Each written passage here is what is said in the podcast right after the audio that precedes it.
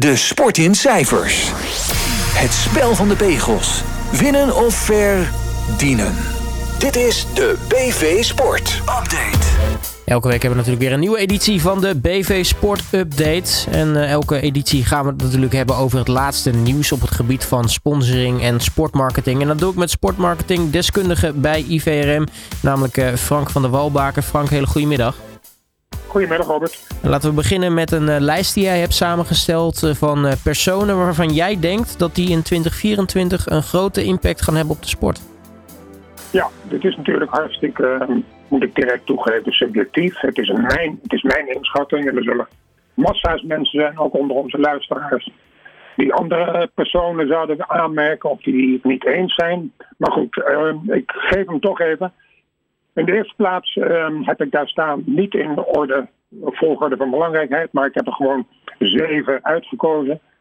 Dat is uh, Thomas Bach, de voorzitter van het IOC, uh, die het in mijn inschatting heel goed doet. Uh, getuige het feit dat hij ook weinig in het nieuws is. Dat vind ik altijd een goed teken.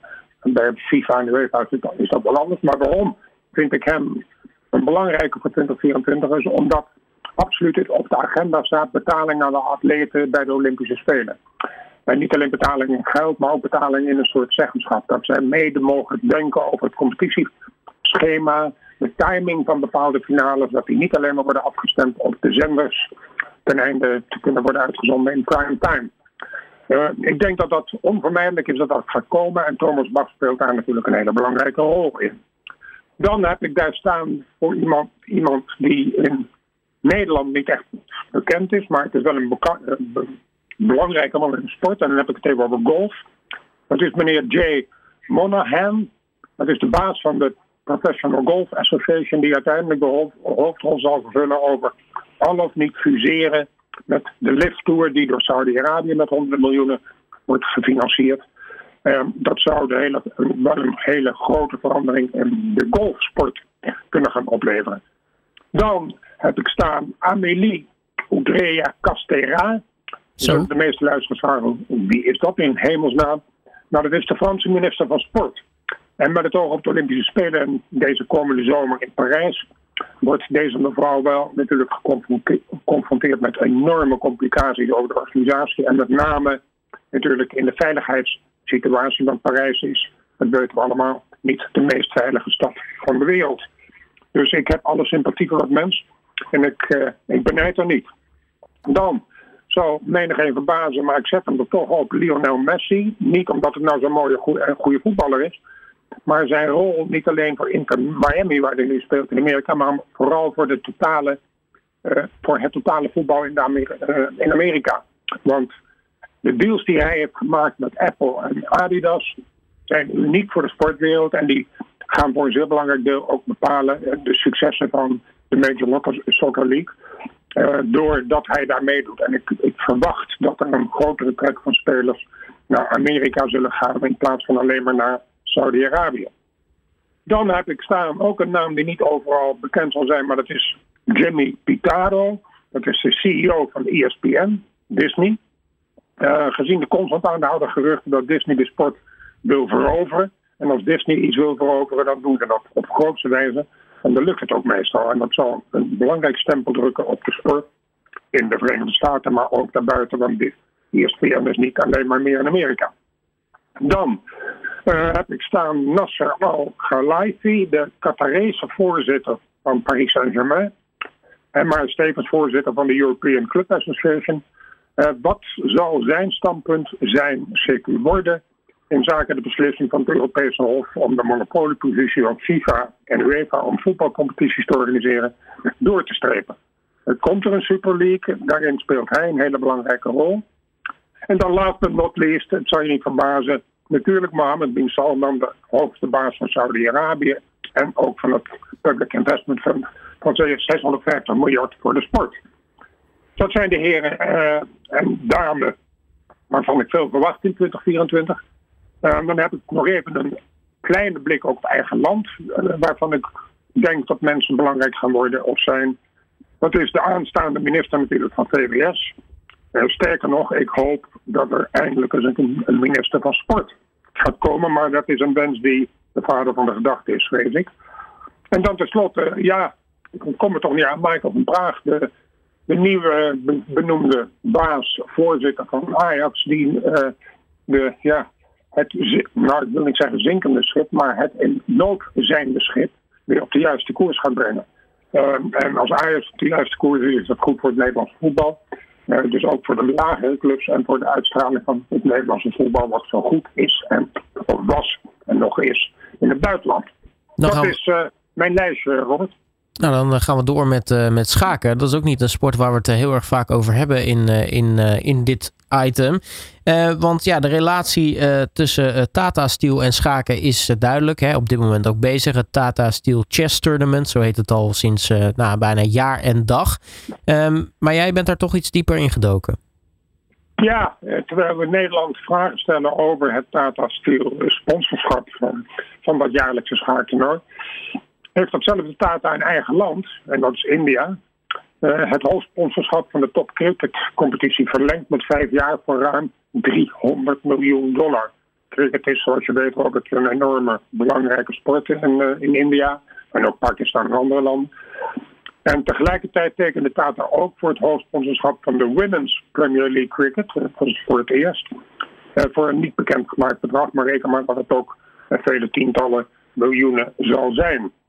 Uh, maar trouwens nog even terugkomend op die discussie over Tata Steel en schaken. Ik begrijp natuurlijk de vraagstelling zoals iedereen dat eigenlijk wel begrijpt. Dat Tata Steel zich nadrukkelijk moet inspannen. En dat kan ook van overheidswegen worden opgelegd. Om de uitstoot rondom velzen te reduceren. Want dus de bewijzen zijn overvloedig aanwezig dat het geen gezonde situatie is daar. Maar laten we wel reëel blijven. Als Tata de tent hier zou sluiten wat er vele actievoerders uh, willen, dan verliest Nederland op economisch gebied weer een belangrijke speler. Met veel banen en een belangrijke bijdrage aan de Nederlandse schatkist, waaruit onder andere de zorg, eh, het onderwijs en de infrastructuur worden betaald. Uh, en we hebben allemaal nog vers in het geheugen het recente vertrek van Shell en Unilever. En nu het wellicht aankomende gesprek van, vertrek van ASML. En dat is toch een briljant wereldwijd toonaangevend. En het staat toch maar eventjes in het kleine Nederland. Dus die willen we toch echt niet verliezen. Maar om het sponsoren van een evenement, en in dit geval schaken, te veroordelen, vind ik eh, iets te snel en ook enigszins twijfelachtig. Want besef wat zo'n evenement doet voor de schaaksport en besef wat de schaaksport doet voor de samenleving. Uh, maar blijft overeind, uh, dat wil ik absoluut niet ontkennen, dat we natuurlijk moeten eisen van Tata dat ze er alles aan zullen doen om die uitstoot van uh, giftige gassen uh, te minimaliseren. Dan uh, Saoedi-Arabië. Ja, je ontkomt er natuurlijk niet aan elke podcast. Ik blijf het toch maar zeggen. Uh, maar je noemde de man net zelf al. Uh, Mohammed bin Salman, kroonprins natuurlijk. het PIF, ja, hij heeft natuurlijk de baas daarvoor aangesteld. Maar er schijnt toch een beetje nou ja, een vuiltje aan de lucht te zijn. Want die, die baas die hij heeft aangesteld, die schijnt toch iets gedaan te hebben wat niet helemaal door de beugel kan. Ja, ehm, hoge bomen vangen veel wind. Het is ja, wat is op dit moment, wat je terecht al zei, een podcast uh, over sport en geld zonder Saudi-Arabië. Ja, zoals bekend doet het land veel met sport. twee trajecten ervan komen nu bij elkaar.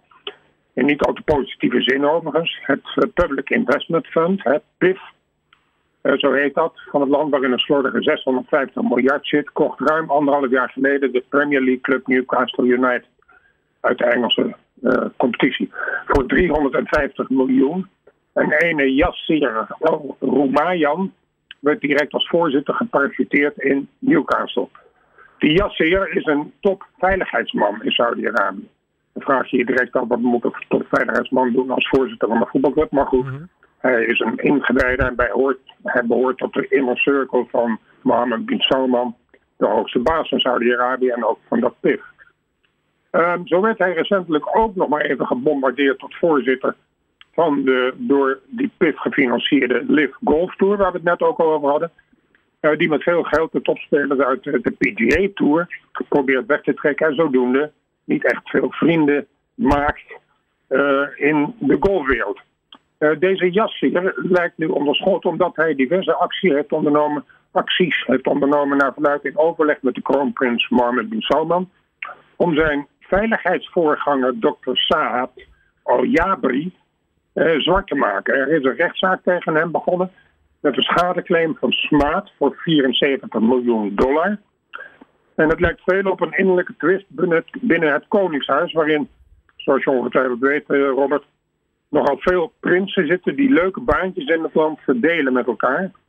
En een van die prinsen, Mohammed bin Nayef, zou namelijk close zijn geweest met die voormalige chef stafveiligheid, Dr. Saad al-Jabri. Hoe dan ook, de sportactieven lopen een indirecte deuk op, maar zullen ongetwijfeld niet uh, stoppen. Want uh, als Saudi-Arabië een uh, bedrag heeft uitgetrokken voor de sporten, zullen we daar ongetwijfeld mee doorgaan. Maar af en toe komt er wel wat zand in de motor. En uh, dat is natuurlijk toch niet goed voor de uitstraling. Vooral ook omdat al die investeringen van Saudi-Arabië in de sport hier en daar toch de nodige kritiek opleveren. Ja, en er zijn toch ook weer uh, wat nieuwe investeringen bij van het PIF, als we het daar toch over hebben. Ja, het is, uh, ik zou bijna willen zeggen, een, een, niet eindigende stroom van investeringen in de sport. En nu he, hebben ze hun ogen, ogen, gericht op de Formule I. He, dat is dus de elektrische motoren in de Formule, een tegenhanger van de Formule 1. En tegelijkertijd de powerboat races, de, van die grote, enorme boten met snelheden van over de 120 km per uur over het water. De E1 Series heette dat. Er zijn nu zware investeringen gedaan door datzelfde PIF.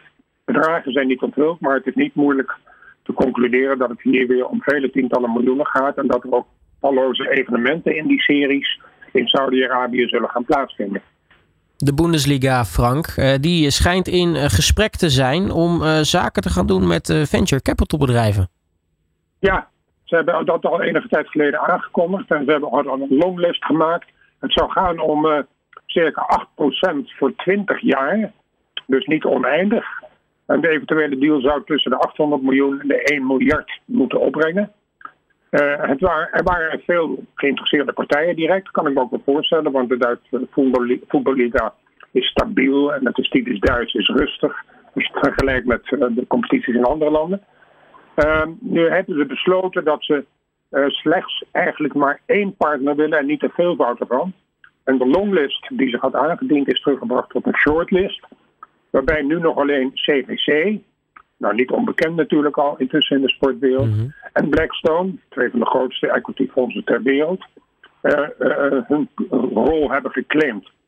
De stemming binnen de DFL, de Duitse voetballeague, over de verkoop van aandelen is overigens niet echt unaniem verlopen, want de vereiste tweederde, tweederde meerderheid werd met slechts één stem bereikt. Um, CVC is overigens geen onbekende al in het uh, hebben van rechten in een uh, competitie, want ze hebben een minderheidsbelang in La Liga in Spanje. Dus uh, het zou me niet verbazen als de Duitsers kiezen voor de ervaring die CVC al op dit gebied heeft. Nou, laten we dan maar gelijk over La Liga hebben, want uh, die brengen goed nieuws, want ze hebben verlengd met Telefonica als sponsor. Ja, er was lange tijd geruchten gingen er dat het niet zo goed ging met de verkoop. En er zouden allerlei uh, ja, loze bedragen de wereld in worden geworpen. Maar intussen is dat contract wat er al was, is verlengd tot het met seizoen 20, uh, 26, 27, dus met 2,5 jaar. En het gaat over een bedrag van 1,3 miljard. Uh, Telefonica zendt de wedstrijden uit via dochteronderneming Movistar. Het was betaaltelevisie voor die 2,5 seizoenen betaalt Telefonica een bedrag van 1,3 miljard, wat ik net al zei. Uh, in deze periode zal Movistar vijf wedstrijden per week live uitzenden. En dan uh, Engels voetbal. Uh, Britse voetbalclubs, uh, of topclubs althans, die hebben een bommetje gelegd als het gaat om nou ja, het, het, verdeling van het prijzen, prijsgeld. Ja, in Nederland is altijd veel te doen hè, om die verdeling van de Eredivisie gelden. Maar in de Premier League is ook een strijd ontstaan. De Engelse topclubs, uh, ja, dezelfde topclubs die natuurlijk meer eisen, die hebben een bom gelegd onder de huidige afspraken van de verdeling van de televisierechten die per 2025 zullen gaan wijzigen. Ehm, de zes topclubs van de league willen een radicale herstructurering van die verdeling. Manchester City, Manchester United, Arsenal, Liverpool, Chelsea en Tottenham Hotspur zouden tientallen miljoenen euro's extra op willen strijken. Um, dat zou dan ten koste gaan van de andere clubs in de Premier League. En ja, dan kom je toch weer in die verdeling. Dan worden de rijken rijker en de armen armer. Althans, arm kan je eigenlijk niet over spreken, want een, een, een, club onderin de Premier League verdient in een eentje meer dan alle eredivisieclubs samen. Maar goed, dat even terzijde. Vooralsnog, vooralsnog verdienen de clubs onderin de ranglijst relatief gunstig ten opzichte van de topclubs. Maar vanaf het seizoen 25-26 zou er echt een nieuwe regeling moeten worden ingesteld. En juist de grote clubs zien kans om een grotere hap uit die prijzen te pakken. Nou, uh, ja, de Big Six zeggen wij hebben er recht op, want wij trekken het meeste bezoekers. Ja, dat is natuurlijk rationeel geredeneerd prima. Maar het gaat in, in de sport niet zoals in het bedrijfsleven. Uh, het bedrijfsleven is uh, economisch gezien zo dat de, de, zwakken worden opgegeten door de sterken. En dat is goed voor de economie. Maar in, uh, in de sport is het zo dat de, sterken kunnen overleven dankzij de zwakken. Want ze hebben de zwakken nodig om een goede competitie te hebben. Dus ehm, die vergelijking die ze nu maken, dat zij het meeste trekken, gaat niet helemaal op. Dus, maar goed, het is zo dat de, de televisierechten die al op dit moment al helemaal eigenlijk alle eh, eisen en wensen te boven gaan. Want we hebben het over ruim 2 miljard eh, ponden per jaar. Dus dat is uh, even meer dan wat wij gewend zijn in ons kleine landje. Ja, dan hoor ik er uh, clubs tussen zitten in uh, de Big Six die dan dat roepen. Maar dan heb ik het idee, als je kijkt op prestatieniveau, zijn er een aantal van die clubs die dan denk ik sowieso dan geen recht van spreken hebben ten opzichte van misschien de wat mindere clubs in de Premier League. Nee, zeker op dit moment. Als je kijkt naar de positie van Chelsea, wat toch een absolute topclub was. Uh, dat nu ergens uh, nou, middenin of zelfs uh, onder de streep gaat bengelen binnenkort. dus nee, je hebt hartstikke gelijk. sommigen hebben misschien recht van spreken, maar ook dat heb ik net gezegd is betrekkelijk. Maar er zijn veel clubs die eigenlijk het liefst tegen hun mond zouden moeten houden en eerst maar weer moeten gaan presteren. Dan tot slot wat kort nieuws, Frank. Ja, uh, nog even de Premier League. Aston Villa, toch niet de, eerste de beste, zeker op dit moment, want ze draaien erg goed. Uh, gaat in zee met Adidas in plaats van de verlenging met Castor, dat nieuwe merk.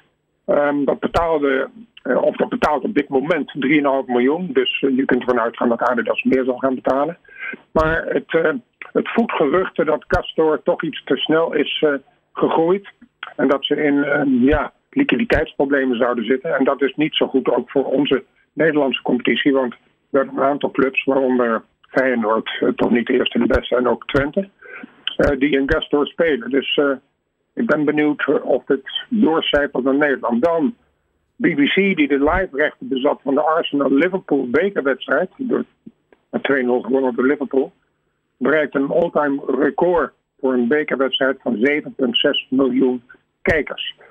Dan even terugkomen op dat, die contracten van Castor in Nederland. PSV heeft net verlengd met vijf jaar met Puma. Dat is een contract dat loopt al sinds 2020. Ajax heeft net verlengd met Adidas tot en met 2031. En dat vind ik wel moedig uh, onder de huidige omstandigheden. Dat vind ik ook heel goed dat Adidas dat doet. op een moment dat Ajax in de problemen verkeert. Dan zeggen zij, wij gaan verlengen, wij zijn Adidas trouw. Dat wekt sympathie op en dat contract loopt overigens al sinds 2000. Dus dat is een langlopend contract. Nou, Feyenoord speelt in Gastor. Ik ben benieuwd of dat uh, gaat worden verlengd. Dat is nog maar kort, dat contract, maar dat loopt pas vanaf dit seizoen. Nou, de andere grote clubs AZ uh, loopt in Nike. Uh, dat loopt al sinds 2020. En FC Twente loopt ook in Gastor. En dat is ook vanaf dit jaar voor het eerst. Dus ik ben benieuwd naar die laatste twee contracten. Dan even over Formule 1. Vanaf 2026 zal de grote prijs van Spanje niet meer alleen in, of niet meer in Barcelona plaatsvinden, maar in Madrid. Er is een tienjarig contract getekend tussen de, de, de Formule 1-organisatie met de hoofdstad van Spanje. En er wordt een geheel nieuw circuit aangelegd. En gedeeltelijk op de openbare weg. Dus dat is wel inderdaad spannend. En het is ook een circuit dat volledig milieuvriendelijk zal worden gebouwd. En waar je alleen naartoe kan met openbaar vervoer of als je wilt lopen of met de fiets. Maar dus er worden geen parkeerplaatsen bijgebouwd voor uh, automobielen. En dat vind ik wel heel gedurfd. En ik vind het ook gedurfd van de Formule 1-organisatie dat ze zo'n contract willen en durven te tekenen. Dan even naar Italië. De Italiaanse Serie A zou serieus overwegen wedstrijden te gaan spelen, dus niet eenmalig, in de Verenigde Staten. Nou, ik, je kent intussen Robert mijn mening daarover. Ik vind dat een hele gevaarlijke ontwikkeling. Want je vervreemdt je van de fans die dat niet kunnen betalen daar naartoe te gaan. En de, ja, de band met de fans is toch de levensader van de sport. Dan tenslotte, last but not least, UEFA-voorzitter Alexandre Seferin zou volgens de Financial Times ver zijn om de regels over de termijn van een voorzitterschap te wijzigen. Zoals Blatter dat in de tijd ook al heeft gedaan bij de FIFA. Zodat hij niet 12 jaar, maar 16 jaar kan zitten. Uh, op zijn, ja, noem het maar, plusje fauteuil. Uh, in 2027 zit hij al 12 jaar. Maar hij zit er zo lekker dat hij wil blijven zitten tot 2031. Nou, daar moeten we blij mee zijn. Dat is het, Robert. Nou, hartstikke mooi. Frank van der Welbaker, mag ik je hartelijk danken voor je tijd. En wij spreken elkaar volgende week weer. Absoluut. Dag Robert. Alle sporten van binnenuit. All Sport Radio.